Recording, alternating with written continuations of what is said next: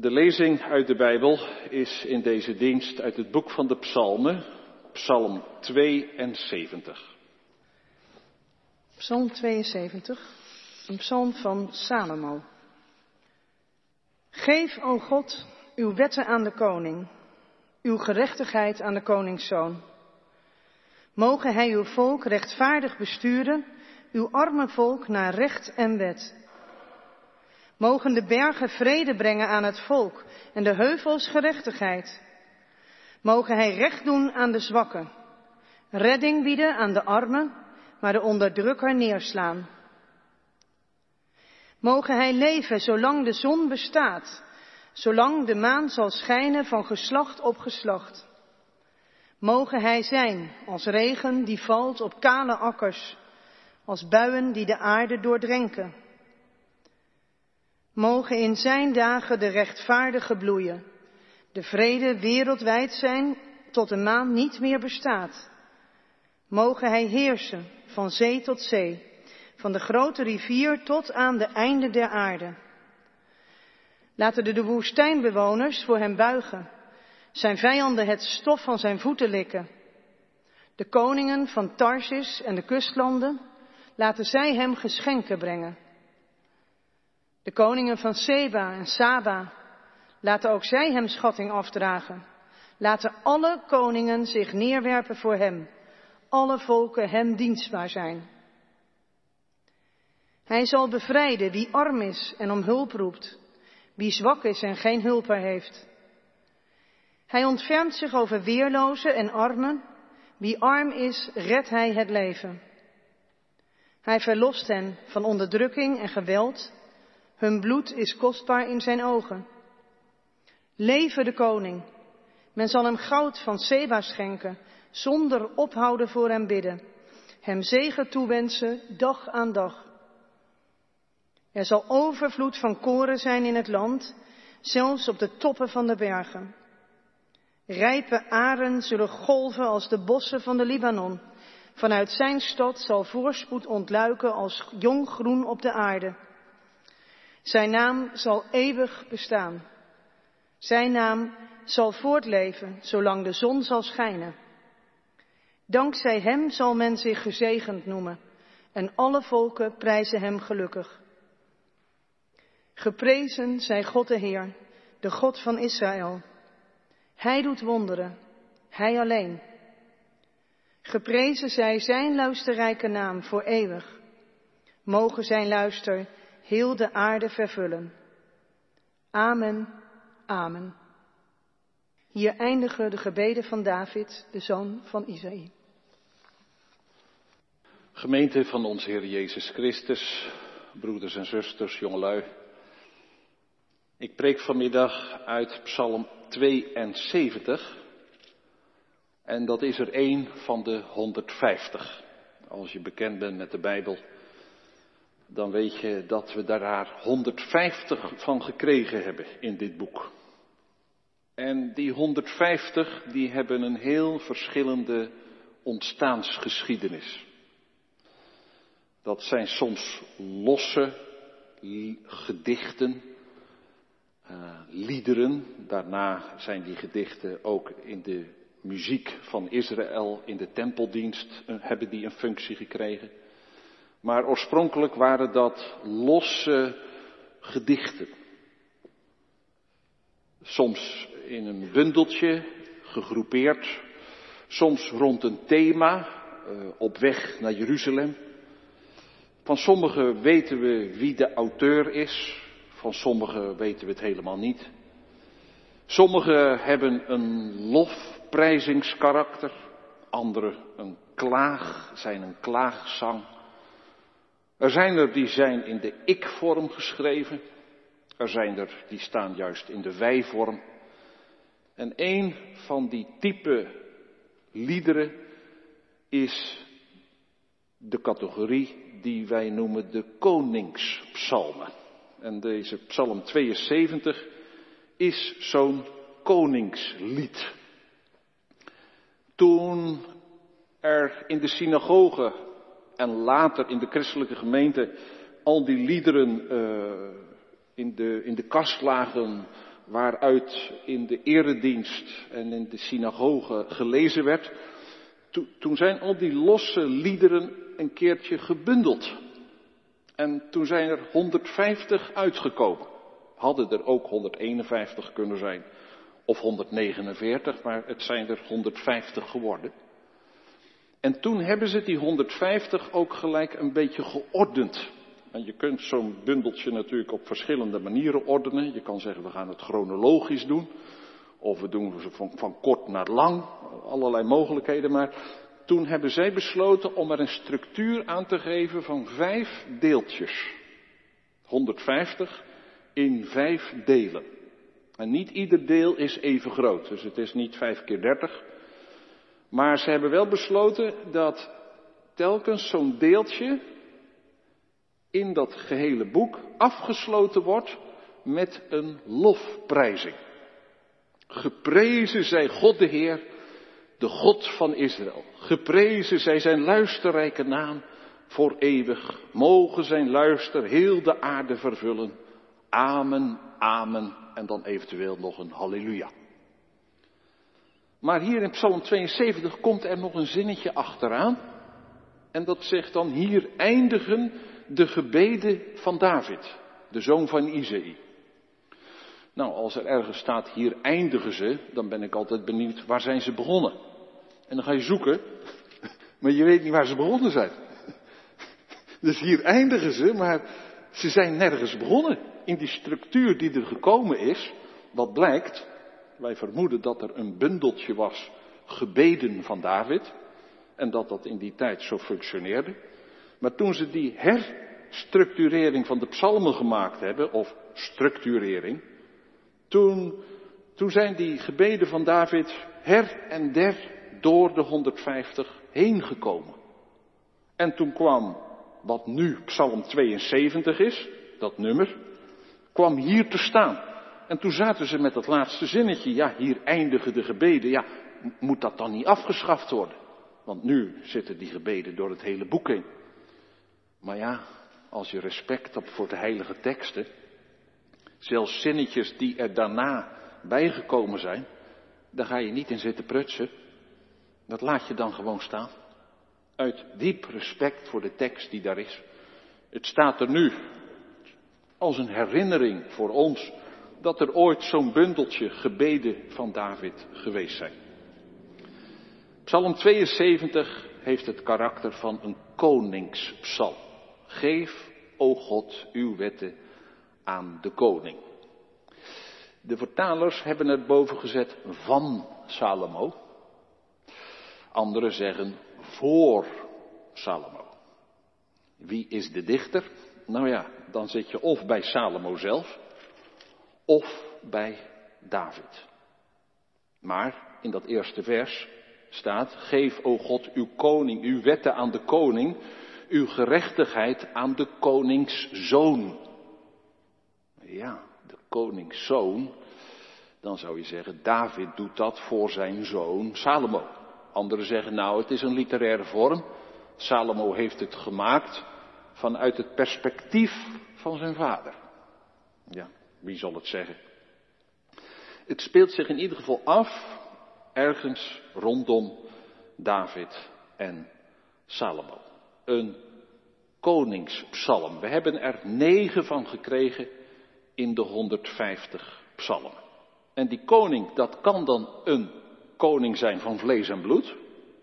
Een werkelijke koning.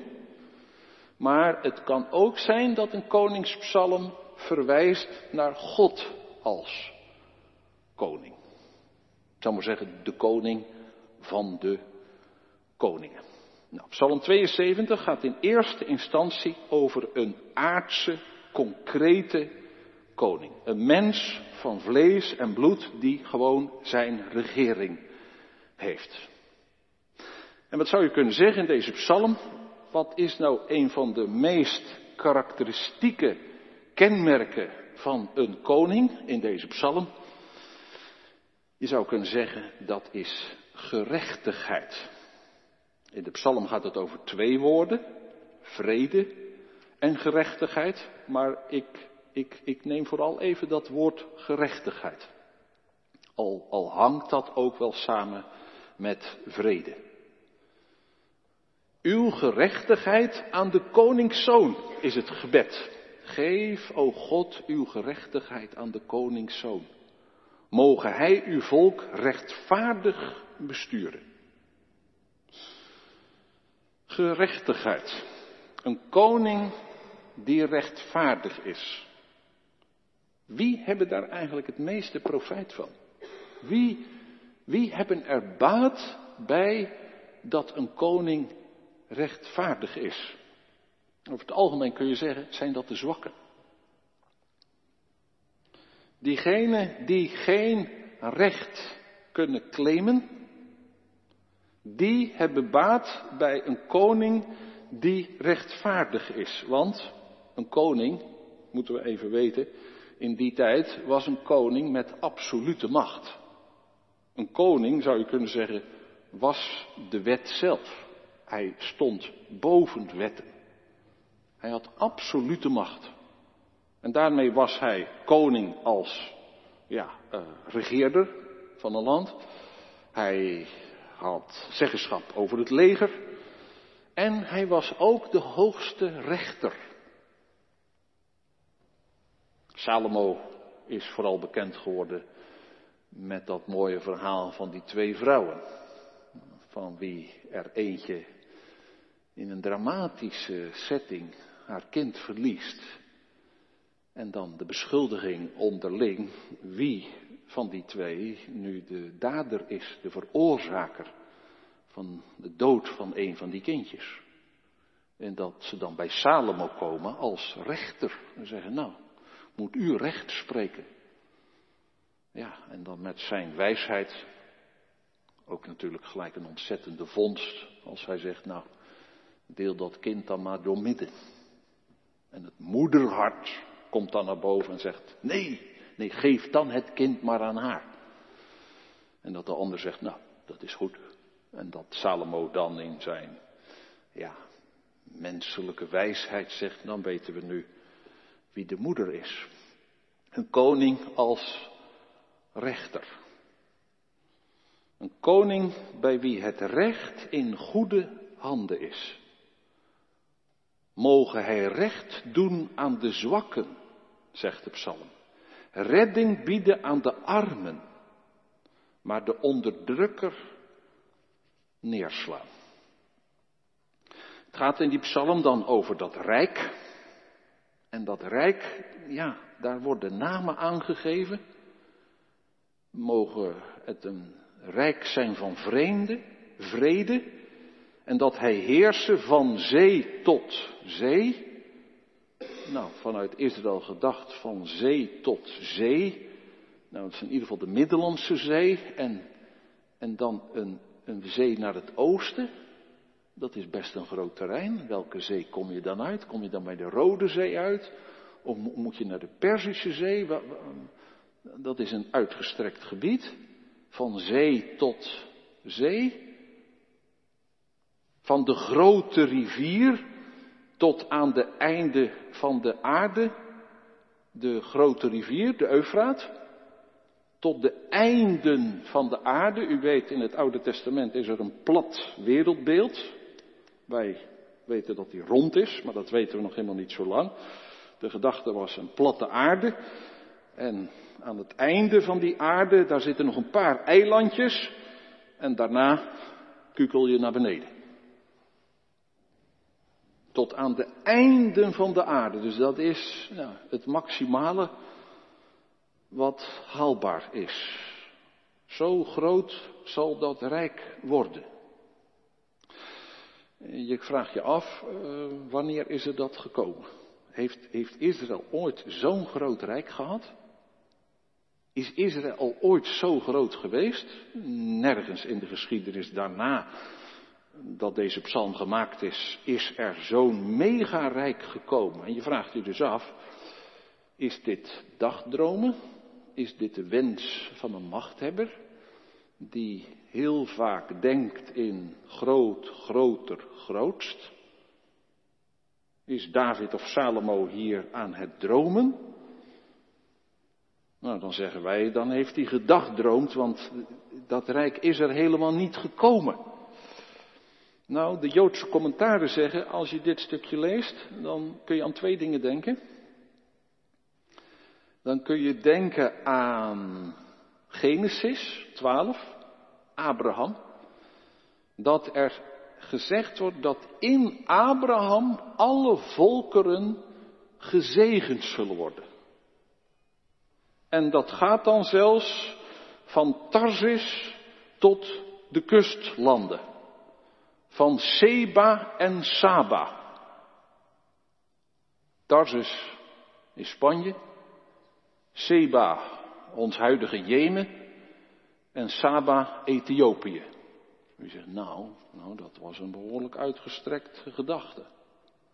Ja, Joodse commentaren zeggen, zie dat vanuit de zegening van Abraham. Dus niet dat dat rijk precies zo groot werd, maar dat die volkeren door Abraham ook gezegend zullen zijn. Die, die eilanden, Ethiopië,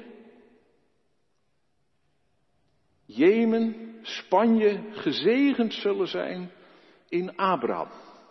Andere commentaren uit de Joodse traditie zeggen, je moet het lezen vanuit een messiaans perspectief. Wij verwachten een Messias. Joden verwachten een Messias. Toen, daar. En ze zeggen, lees dit vanuit een messiaans perspectief. Dat zijn recht zal heersen, dat er vrede zal zijn en gerechtigheid. Jezaja. Jezaja 9. De profetieën over de Messias. Dat hij de vredevorst zal zijn. Dat hij gekenmerkt wordt door recht, gerechtigheid. Hoe het ook zij, of vanuit Abraham, of vanuit de Messiaanse verwachting. In deze psalm staan recht en vrede als kardinale eigenschappen van de koning. De vraag is, hoe lezen wij deze psalm nu?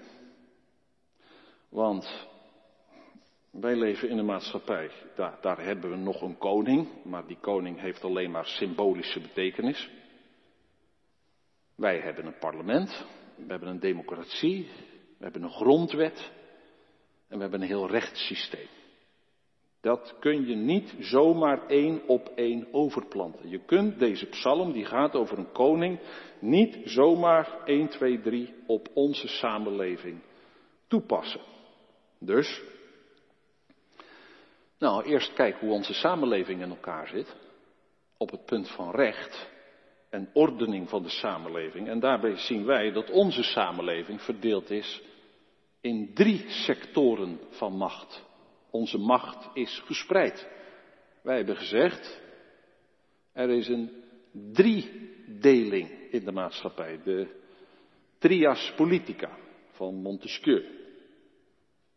Lessen maatschappijleer, lessen burgerschap en al die dingen. Daar zal dat vast wel eens ergens ter sprake zijn geweest.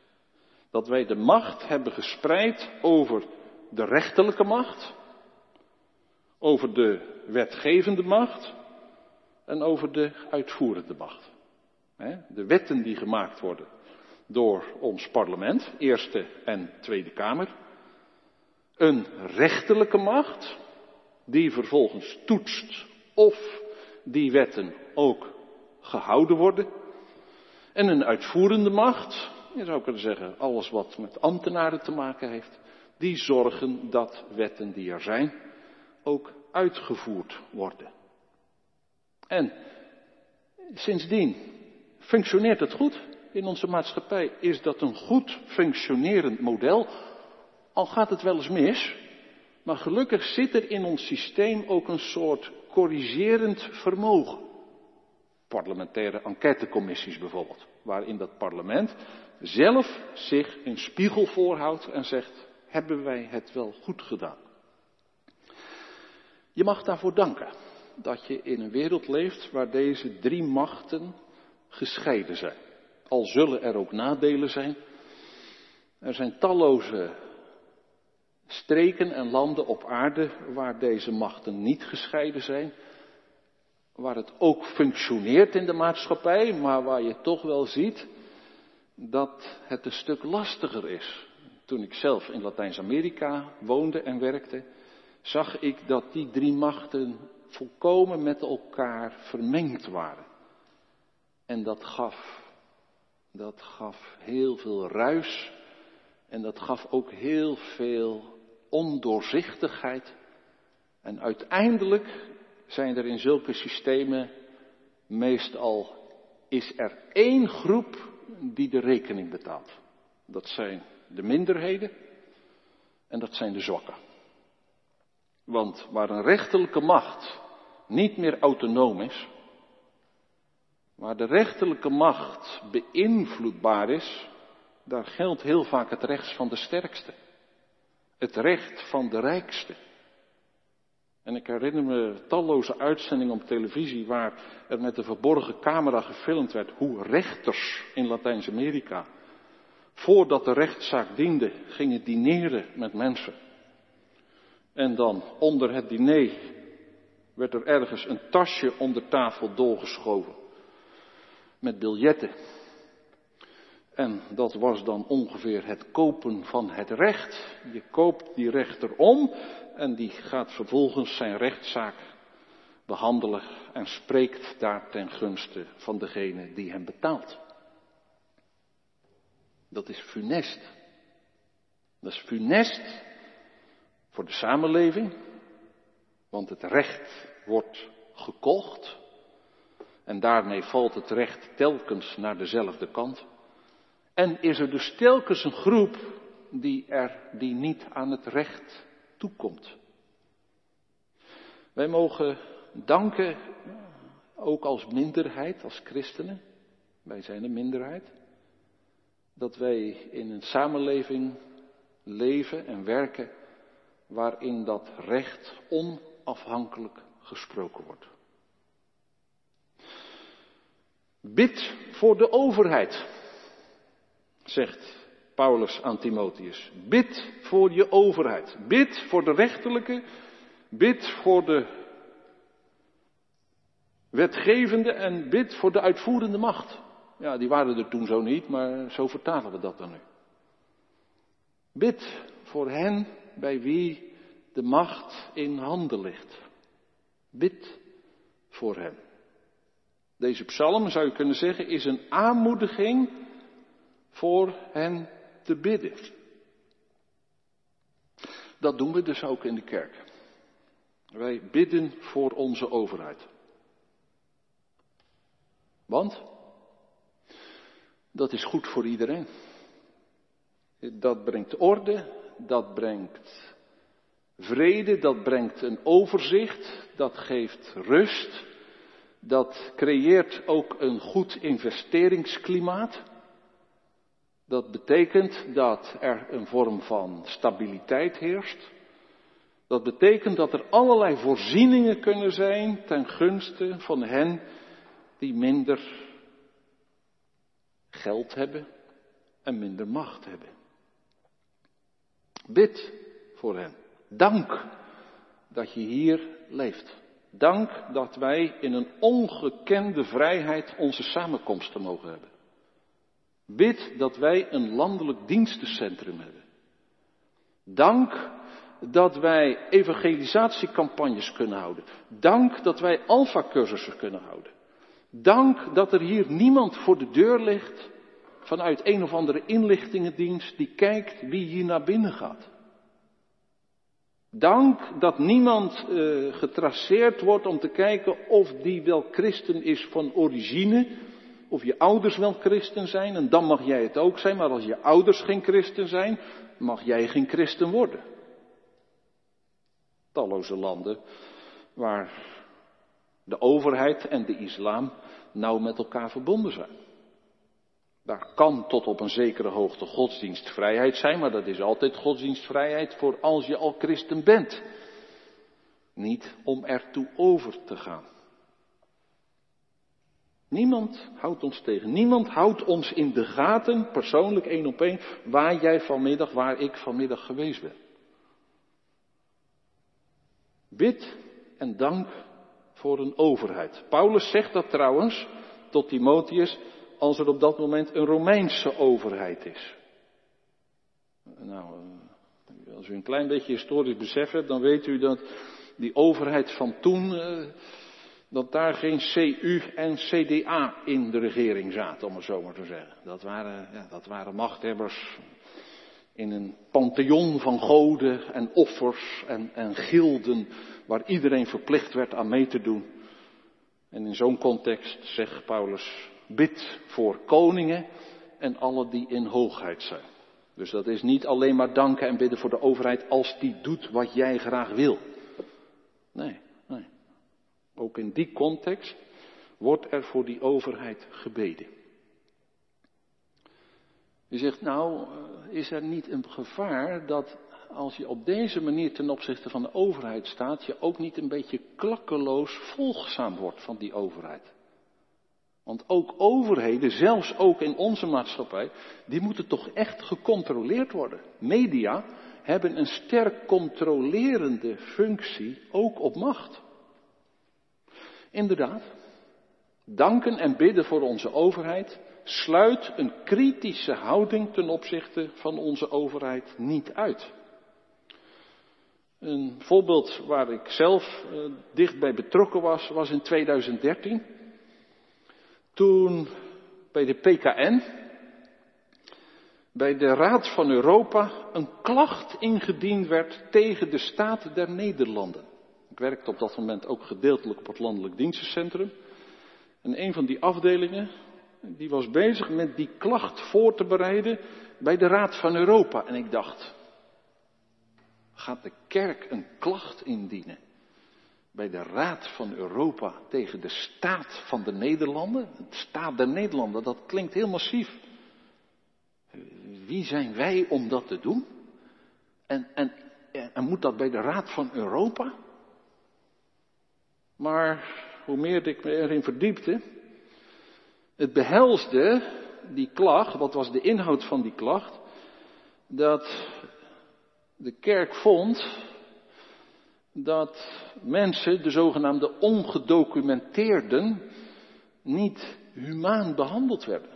En zij zeiden, ieder mens, of die een gedocumenteerde is of niet, maar ieder mens die hier is, verdient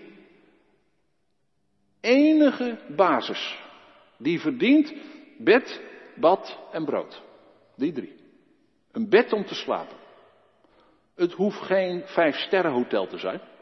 Maar een bed, een matras en een bed is het minimum wat de mens s'nachts nodig heeft. Een bed, een bad, hygiëne en brood. Iets van eten. Het hoeft geen luxe te zijn, maar er is wel een ondergrens. En ik moest bij de voorbereiding uit Psalm 73 aan dat voorbeeld denken. Opkomen voor de zwakken. Opkomen voor de rechtelozen, de ongedocumenteerden. Ja, dan heb, je, dan heb je niks meer om op terug te vallen. Als wij in het buitenland zijn en er overkomt ons iets, dan zijn wij maar wat blij dat wij een paspoort in handen hebben en dat wij in dat land naar een ambassade kunnen. Waarop wij terug kunnen vallen. Als je een lekkere, leuke vakantie hebt, dan denk je daar niet zo bij na. Maar als je ergens in het buitenland bent en je komt echt in serieuze problemen, dan ben je wat blij dat je terug kunt vallen op de bijstand van de ambassade van jouw land. Ja. Ongedocumenteerden, die hebben dus niets meer waar zij op terug kunnen vallen. Nou, die klacht is gehonoreerd in de tijd. Onze regering is op de vingers getikt en gezegd, ieder mens verdient tenminste een bed, een bad en een brood. Zonder dat de kerk zich helemaal gaat bemoeien en op de stoel gaat zitten van de overheid om te zeggen wie wel en niet hier toegelaten mag of moet worden. Daarvoor kiezen wij politici. En wij geven hen het mandaat om dat dan ook goed te doen. En dan moet onderhandeld worden, want wij leven met meerdere partijen. En dan moet er iets uitkomen waar iedereen dan mee moet kunnen leven. Ons gebed en onze dank voor de overheid sluit een kritische blik als het moet, zelfs een aanklacht of een klacht, niet uit. Wij lezen deze psalm inmiddels ook vanuit nieuw-testamentisch perspectief.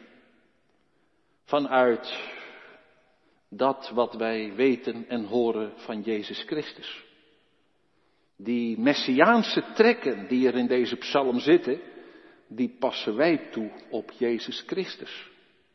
Want wij zeggen, in Hem is de gerechtigheid vervuld. In Hem is de vredevorst aan het licht gekomen. En dat geeft gelijk ook de spanning met Joodse gelovigen. Want zij zeggen, hij is het niet. Jezus is het niet. Hij is niet de Messias die wij verwachten.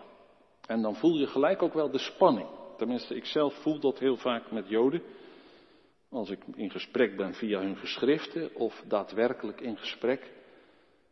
Dat je voelt, nou hebben we zoveel gemeenschappelijk in die 39 boeken. Ook deze psalmen, ook deze koningspsalmen. En, en wij lezen die psalm gedeeltelijk vanuit eenzelfde perspectief. Maar als het op de Messias aankomt, vanuit zo'n verschillend perspectief. En dan voel je ook de afstand. En tegelijkertijd voel ik ook het begrip, want zij vragen aan ons, waar is dat vrederijk dan? Waar is dat dan? Waar is dat vrederijk van Jezaja? En ja, dat is er niet.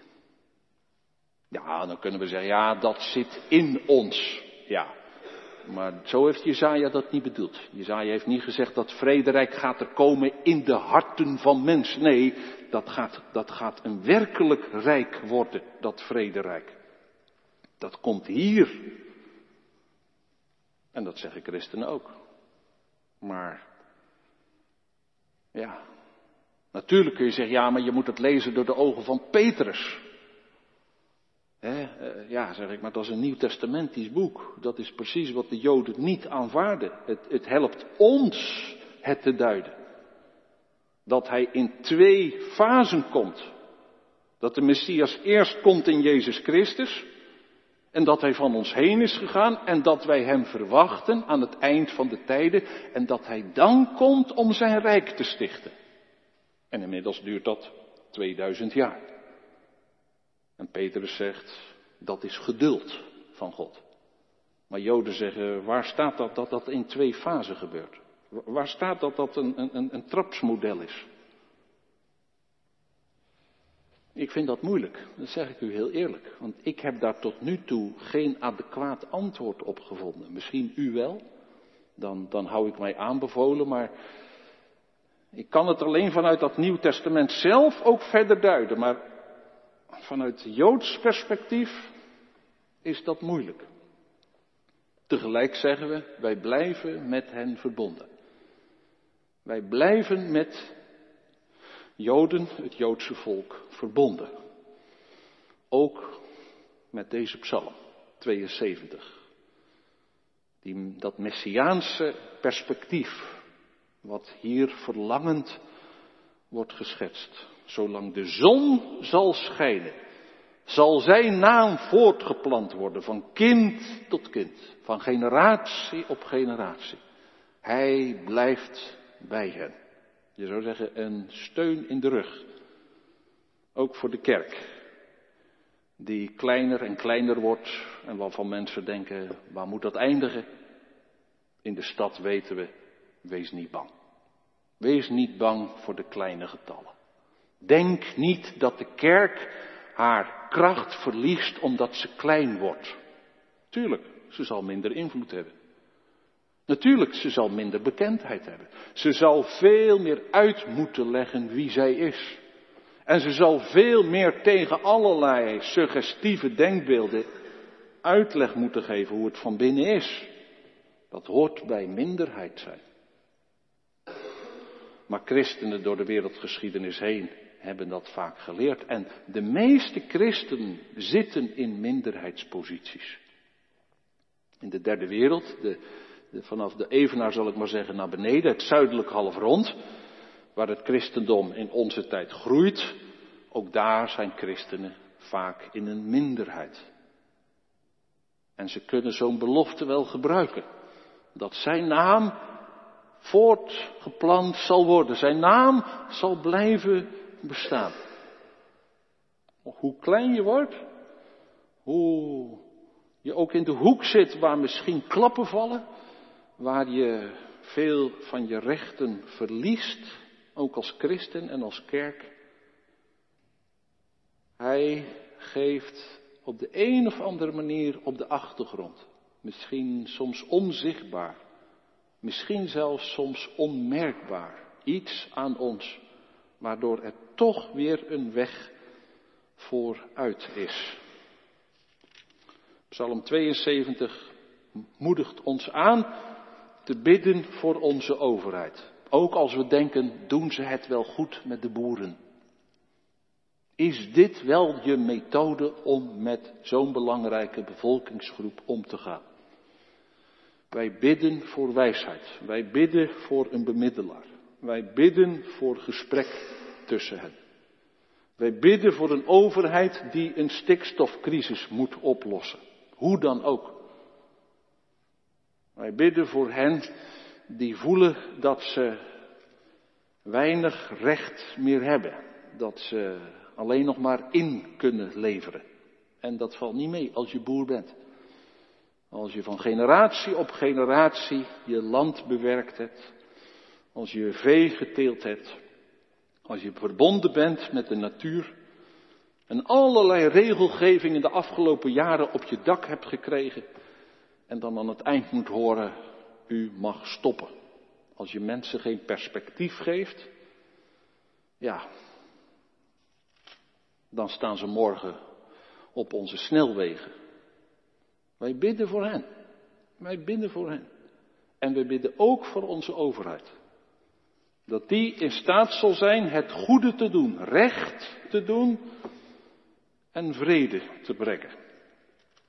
Overheidsdienaar zijn in onze tijd is geen pretje. We zien het. Mensen moeten heel veel inleveren. Die krijgen heel veel op hun persoonlijke bord. Het is niet aantrekkelijk meer voor de publieke zaak op te komen. In de kerk zeggen we, we blijven voor je bidden. We blijven in onze gebeden ook voor jullie bidden. We zullen danken voor wie je bent en wat je doet. En tegelijkertijd zullen we je kritisch blijven volgen. Als het moet, zullen we een tegenstem geven. Dat is de kerk ook geroepen. Met de woorden van de profetieën. Als het moet, onze regering op de vingers te tikken. Al moet het tot bij de Raad van Europa, dan moet dat. Op dat geprezen zij God de Heer, de God van Israël. Geprezen zij zijn luisterrijke naam voor eeuwig. Mogen zijn luister heel de aarde vervullen. Amen. Ja. Amen.